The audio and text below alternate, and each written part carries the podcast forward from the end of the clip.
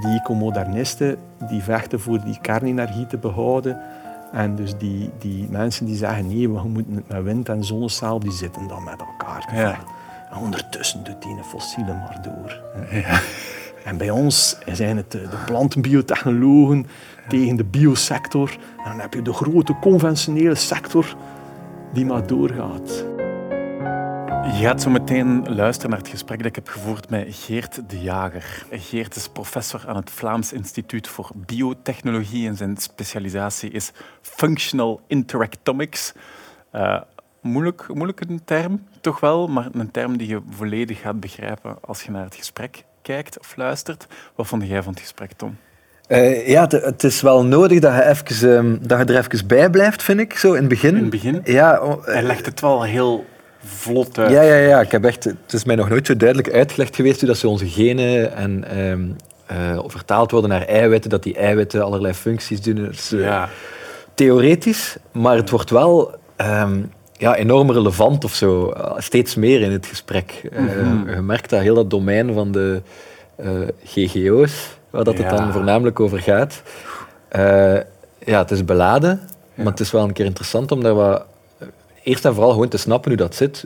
Hoe, hoe, hoe dat vandaag werkt op politiek niveau, maar ook op wetenschappelijk niveau. Wat de mogelijke voordelen zouden kunnen zijn. Het is, zo, het is echt eh, een hele nieuwe wereld die opengegaan is Ja, ja, dat ja. gesprek. En het vliegt ook, we hebben samen naar de montage gekeken, het vliegt ook echt voorbij. hè. Ja, ja, voordat je weet is het voorbij en, en zij de tien keer zo slim als dat je... Ja, plus op heb je honderd nieuwe vragen of zo ook. Hè. Ja, ja, ja. ja.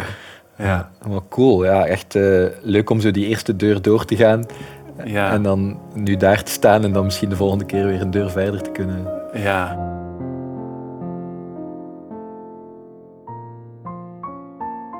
Hoe werkt dat technisch eigenlijk als ze een gewas genetisch proberen te manipuleren? Hoe, hoe, want ik, ik las dat, zo, dat CRISPR zo een mega doorbraak is geweest daarin. En dat je ergens zei van we zijn, we zijn veel gerichter geworden in Ja. de manipulaties die we kunnen. Hoe, hoe komt dat? Of wat is er veranderd? De grote doorbraak is dat we eigenlijk nu kunnen ehm, de plaats uitkiezen op het DNA waar we iets willen wijzigen. Dat is nu mogelijk via CRISPR. En dat was vroeger niet zo. Vroeger was dat niet zo. Eh, een klassieke genetische modificatie gebeurt doorgaans via een bacterie.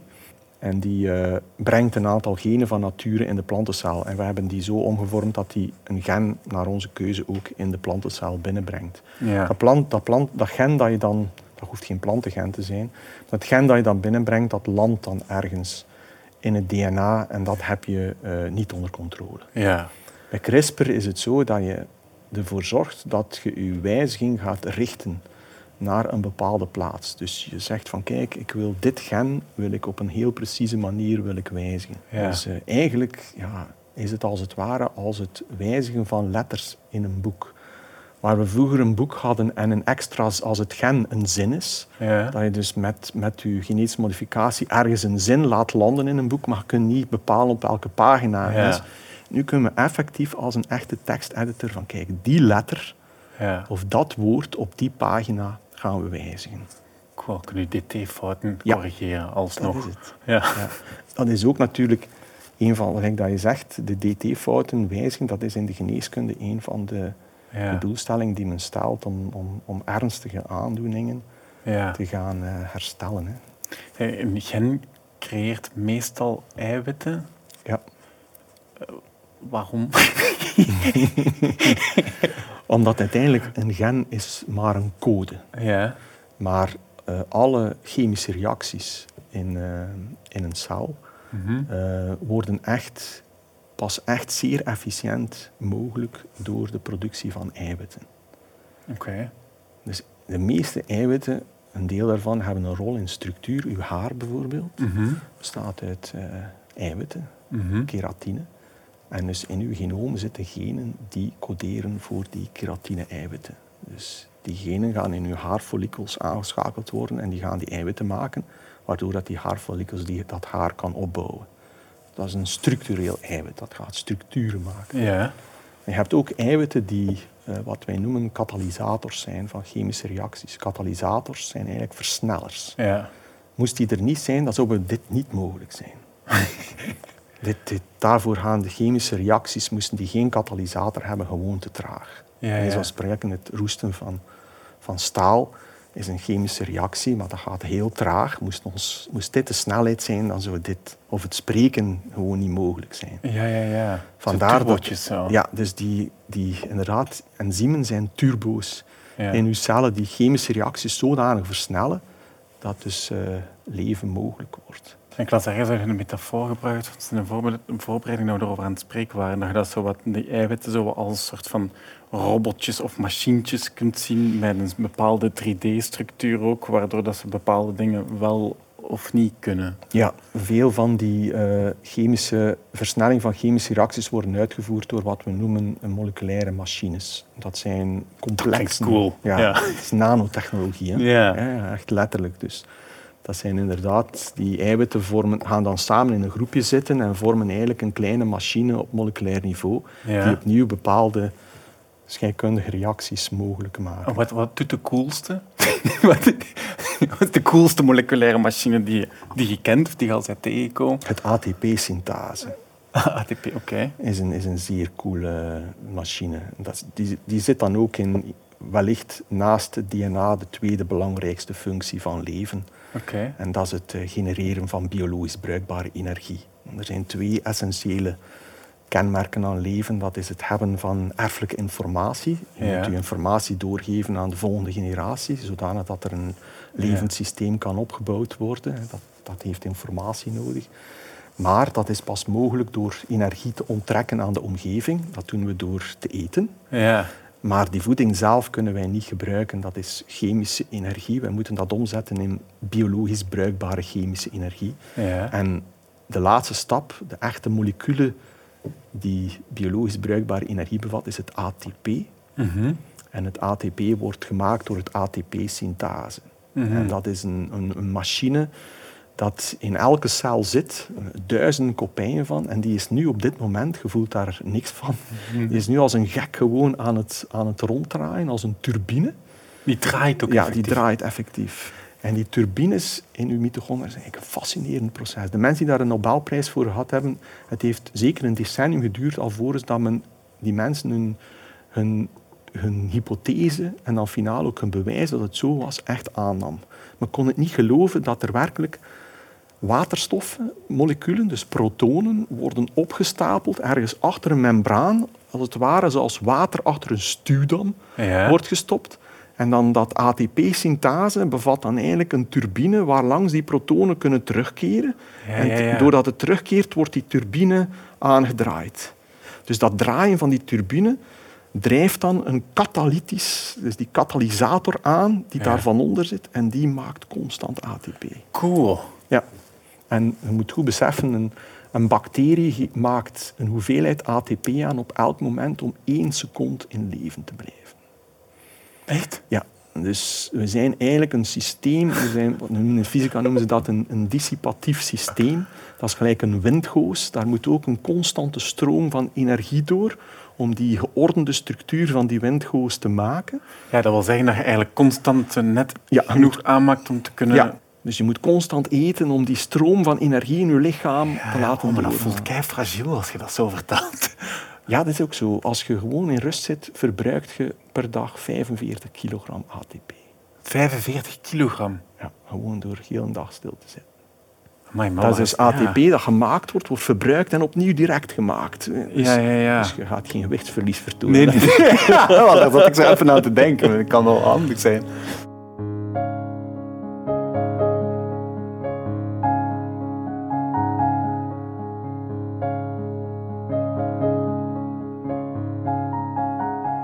Ik kan me wel voorstellen, als je in dat veld duikt en dat, zo... Dat is toch een beetje God spelen of zo. Dat dat voelt. Als je, als je op die processen die je nu net beschreven hebt en zo, dat ATP-ding en de... Als je daarop kunt beginnen ingrijpen en dat dat je, je speeldoos is, zeg Ja. maar. Ja. Ja, wat een speeldoos. Ja. Ja. Is een, een, een schitterend auteur, Stuart Brand. Eh, het, is, eh, het is eigenlijk eh, iemand die behoort tot eigenlijk de eerste generatie die eigenlijk ja, de groene beweging heeft opgestart. En die heeft zo'n zinsnede waarbij hij zegt van... we zijn als goden en we worden er maar beter goed in. Mhm. Waarmee dat hij wil zeggen, we zullen het ten eerste nodig hebben, maar ten tweede, we moeten ook onze verantwoordelijkheid opnemen. Ja. Dat is interessant, hè? want dat is, dat is vaak... Dat, we zijn als goden... Er is ook een beweging die zegt van ja, maar we, moeten, we zijn eigenlijk niet als goden. Zo. We Mhm. zijn niet gemaakt om God te zijn, dus we moeten een stap terugnemen. Ja, En stoppen met ons zo te gedragen. Allee, Ja. Dat hoorde zo... Dat hoorde even goed, hè? Ja, ja, nee, dat is ook zo. Maar ik vrees natuurlijk dat we ondertussen eh, met zoveel mensen op de planeet zitten dat we ja, bijna uitgedaagd worden om als God te beginnen spelen, om zoveel mensen te kunnen dragen. We hebben eigenlijk constant de, de draagkracht van onze aarde doen, doen toenemen hè, door technologie. Ja. Anders was dit gewoonweg niet mogelijk om 7 miljard mensen te dragen. Dus, eh, Ja. je kan dat natuurlijk proberen, maar dan ga je enorm veel natuurgebied natuurlijk moeten opgeven. Voelde die verantwoordelijkheid als je zo aan het spelen bent of aan het werken bent? De verantwoordelijkheid van, ja, je hebt hier zo ergens de, de kracht van de goden of zo, om daar echt in te grijpen op zoiets ja, heel fundamenteel in het leven en dat je zoiets ja, daarmee inzet van wat moet ik daarmee doen of wat moeten we daarmee doen? Ja, na- natuurlijk. Elk project dat je schrijft eh, gaat door een ethische commissie. Dus je moet al bij het schrijven van een project moet je al, moet je al heel goed nadenken wat, dat je, wat dat je gaat doen. En eh, je weet dat bepaalde zaken gewoon onaanvaardbaar zijn. Ik herinner mij een, een congres waarbij een student een project voorstelde om bepaalde plantensoorten eh, bepaalde moleculen te laten namaken die eigenlijk lijken op oestrogenen. Oestrogenen worden in de pil verwerkt en Mhm. zorgen dus voor eh, geboortebeperking. En het idee was om die planten dan bijvoorbeeld in Australië los te laten en zo dus iets te doen aan bijvoorbeeld konijnenplagen. Ja. Maar dit, is, dit, dit gaat er niet door, logischerwijs. Ik bedoel, je kunt u niet permitteren om in het milieu massale hoeveelheden oestrogeen te gaan maken. Ik bedoel, Voordat je het weet, belandt het in het grondwater. En, eh, zie je? Ja. Dus dit zijn, dit zijn consequenties dat je je heel goed bewust moet van zijn ja, ja, ja. Als wetenschapper. Ja. Maar als dat zo, gelijk met CRISPR, beginnen ze van die kits te krijgen, dat je zo DIY, dat je zo bijna thuis kunt beginnen spelen ermee. Mhm. dan kan er toch binnenkort een of andere loony of iemand met slechte bedoelingen tot zoiets komen. En jullie zijn gebonden aan ethische commissies. En dan moet, Ja. gaat er, maar een keer dat dat niet meer enkel binnen de muren van een universiteit kan gebeuren, maar ook erbuiten, dan, dan kan er iemand zijn die zo een plant kan maken, Mhm. Waardoor dat ja, in een land kan dumpen, Mhm. oestrogeen in het water komt Mhm. en Maar ja, maar je ziet toch dat... Die niet meer kunnen we- we, we voortplanten. kunnen dat al ongeveer ja, iets van een, eh, een 40 jaar. En je ziet dat zo'n dingen niet gebeurd zijn. ja, Het is niet uit te sluiten. ja. Net zoals dat je gevaarlijke dingen met, met andere takken van de wetenschap kunt doen, met fysica of met chemie, kan je dat Mhm. ook doen met biotech. Dus, eh, maar dan natuurlijk weeg je als maatschappij altijd, dat is uw balans, hè, uw, Ja. uw, uw cost-benefit eh, weeg je af. Hè. En dan, dan, dan heb je inderdaad een deel van de bevolking die zegt van dit, daar mogen we niet, ons niet aan wagen. Dit, dit, dit gaat leiden tot, eh, tot rampen. Ehm, maar je hebt ook een andere groep mensen die zeggen, ja, we gaan de uitdagingen waarvoor we staan, gaan we, om die op te lossen, we gaan het ons alleen ontzaglijk veel moeilijker maken als we die zaak gewoon aan de ketting leggen. ja. En nu komen we misschien tot, tot, tot een van de essentiële zaken waar we mee geconfronteerd worden als plantenbiotechnologen in Europa. Dat is dat we eigenlijk werken voor de hele wereld, behalve voor het continent waar we zelf eh, in leven. Hè. Dus Waarom? omdat genetische modificatie in planten eh, dood is in Europa. En die is dood in Europa omwille van een politieke situatie. Ik heb een enquête gelezen waar 30% van de consument zegt ik heb vertrouwen in die technologie. En dus de politici in een democratie worden verkozen door consumenten natuurlijk. En zij percipiëren van dat de Europese consument dat niet wenst. En dus zelfs als uw, uw CRISPR-product door de regelgeving geraakt en door wetenschappers als veilig wordt beschouwd voor, voor, als voedsel voor de volksgezondheid en voor het milieu, wordt het dus alsnog tegengehouden door de politiek in Europa. In andere, in, andere, in Australië, in, uh, de Verenigde Staten, Canada, Brazilië is dat niet het geval. Dus daar sturen ze die variëteiten ook door de veiligheidsinstanties. Maar als de veiligheidsinstanties groen licht geven, omdat ze het veilig achten, dan volgt de politiek. Dus het gaat niet over uh, het, het, het, het, hebben van veiligheidsinstanties. Dat, dat is nodig.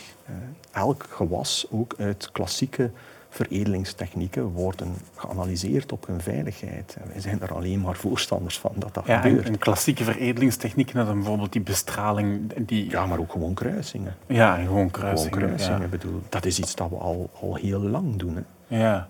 Een fascinerend verhaal is bijvoorbeeld de, de domesticatie van mais op het Mhm. Amerikaans continent.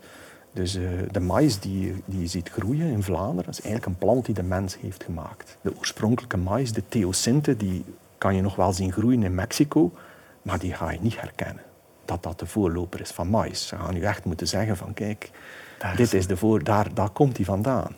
En het rare is, archeologen die zich bezighouden met het bestuderen van domesticatie van mais, hebben tot dusver eigenlijk geen significante tussenstappen gevonden tussen die theosinte en die huidige mais. Dus dat moet een zeer kort tijdsbestek geweest zijn waarop dat dus die huidige mais, let op, de opbrengst in de mais is natuurlijk de, de eeuwen nadien zwaar toegenomen, maar de algemene morfologie van de mais met één stengel en één vrucht, waarbij dat de vruchten verschillende rijen zijn met een, met een zachte zaadhuid, ja, dat is afhankelijk van vijf genen. Vijf genen die gewijzigd zijn geworden, oorspronkelijk in aparte theosinteplanten en die wellicht dus die, die, uh, die maïsboeren enkele duizenden jaren geleden heel snel met elkaar gecombineerd hebben met kruisen, mm -hmm. om dan finaal die, die huidige mais te bekomen. Hoe komt het dat als we dat al zo lang doen, eigenlijk op die manier ingrijpen, dat, dat, een,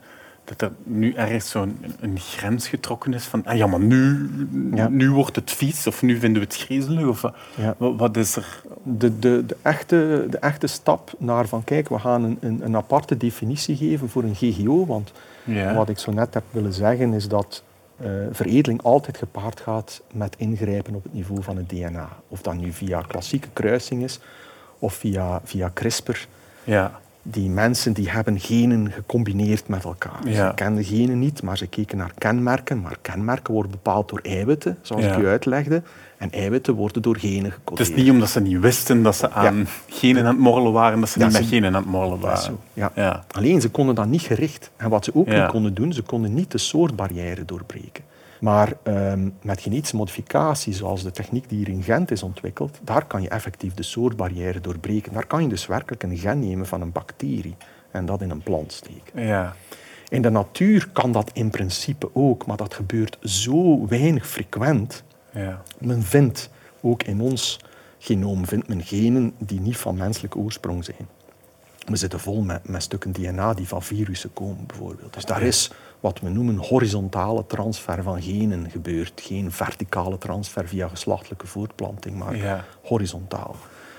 Maar die genetische modificatie die in Gent is ontwikkeld, laat natuurlijk horizontale gentransfer eh, op grote schaal toe. Ja, ja, ja. Ik heb niet het gevoel dat, die, dat, de, dat de weerstand tegen GGO's komt vanuit, vanuit het idee dat dat transversale ineens mogelijk is geworden, of niet? Dus het is- Ja, ik denk niet dat- veel mensen die kennis zelf hebben en weten dat dat veranderd is en, en daardoor zoiets hebben van ja, maar dat is voor mij een stap te ver. Wel, dat was inderdaad wel een, een moment toen waarbij men zei, wacht nu even. Hè. Ja. Dus, ehm, ehm, daar gaan we nu toch wel een aparte regelgeving voor moeten ontwikkelen. Ehm, heeft men ook een definitie ontwikkeld. Een, een GGO is Mhm. eigenlijk een organisme met uitzondering van de mens, waarbij dat men dus het DNA verandert eh, op een manier die van nature niet mogelijk is via klassieke kruising. Ja, oké. Dus van zodra dat je dus met een soort van techniek van buitenaf of met een bacterie van buitenaf genen binnenbrengt, of via CRISPR, hè, nu ook Ja. blijkbaar, hè, valt dat dus onder die definitie. Ja. Ja. Dus het is eigenlijk, Europa beschouwt de techniek als bepalend of iets een GGO is of niet. Niet het effect van Niet het resultaat van, eh, van de technologie.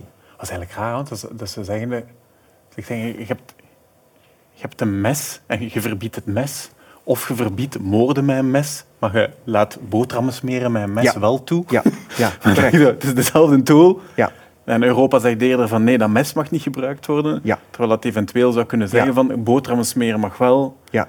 Wij verwijzen altijd naar de roze pompelmoes die Ja. iedereen kent. Hè. Dus die is gemaakt door een, een wijziging in die, in die oorspronkelijke pompelmoes die geel was toen dat ik nog klein was. Ja. En die, die maakt nu die zoete componenten aan. En eh, wij kunnen dat eigenlijk perfect ook doen met CRISPR. Zo'n roze pompelmoes maken. Ja. Dus dezelfde wijziging wordt uitgevoerd. Daar zitten geen vreemde genen in, geen soort vreemde genen. Wij weten precies wat wij veranderen. Net hetzelfde als in die roze pompelmoes in de winkel. Daar is diezelfde verandering gebeurd, maar dat is per toeval gebeurd. Ja, er ja, toeval ja. iemand op gebotst. Ah, interessant. Wij weten exact wa- welke dat moet, dus wij maken dat. Die roze pompelmoes die moet niet door die GGO-regelgeving en wordt niet meer beschouwd als een GGO. Ja. Terwijl datzelfde product, eh, CRISPR, is, wordt wel als een GGO beschouwd. En moet dus door Hans die regelgeving, en veel belangrijker, wordt wellicht geblokkeerd op het einde. Terwijl het gaat over hetzelfde product. Ja. Zie je? En het wordt nog ingewikkelder als we, als, als we nu tot de conclusie komen dat de huidige situatie is dat verschillende landen op het Amerikaanse continent, Canada, de Verenigde Staten, Brazilië, Argentinië, Australië, Japan, die hebben allemaal gezegd, ja, we kijken naar het resultaat. De techniek die je gebruikt hebt is voor ons van geen belang. Het is het resultaat dat telt. Dus als iets gemaakt wordt met een wijziging dat ook gebruikt, ge- kan gemaakt worden met een conventionele veredelingstechnologie, ja, dan valt die natuurlijk onder de regelgeving van die conventionele technologie en is het geen GGO. Daar staat niet het GGO-label op. En als Europa dus zaken begint in te voeren, kan je niet uitsluiten dat er CRISPR-producten worden ingevoerd natuurlijk. Ja, ja. Wow. Mai. Ja, dus je mocht, het in, je mocht het niet doen in Europa, waarbij dat het veiliger zou gebeuren, want je hebt er controle op. en Ja, maar ook het- in die andere landen natuurlijk. Ja. Daar wil ik wel erop wijzen. Zijn Ja, de veiligheidsinstanties. Maar Niet er omdat komen dus geen- dingen binnen, mogelijk, die we, die we verbieden om te maken in Europa, maar die wel geïmporteerd worden Ja, omdat we gaan het zelfs weten. niet weten. Ja. Want het wordt niet gelabeld als een GGO. Want wij willen ja, maar de de definitie van wat een GGO is, is anders in Europa dan dat het is in... Omdat wij kijken naar techniek en dat zij kijken naar resultaat. naar het product. Ja. En dat is, de, de- dat, is de, dat is nu wat er op tafel ligt de Dat komende klinkt, zo, dat klinkt zo niet super logisch of zo. Zeker als de, de roze pompelmoes is een vrij schoon voorbeeld van Ja. hetzelfde eindproduct, maar met een andere methode gemaakt. Ja. Dus ik denk, ja, maar Wel, de Europese, de Europese wetgever ehm, zegt dat dat eigenlijk niet gaat over rationaliteit. Het gaat over voorzorg. Het is een, het is een technologie die we nog niet, eh, nog niet lang gebruiken. ja, Dus wij, better safe than sorry. ja. Maar ik denk dat we op een punt zijn gekomen waar we stil ons, ons dat niet meer kunnen permitteren.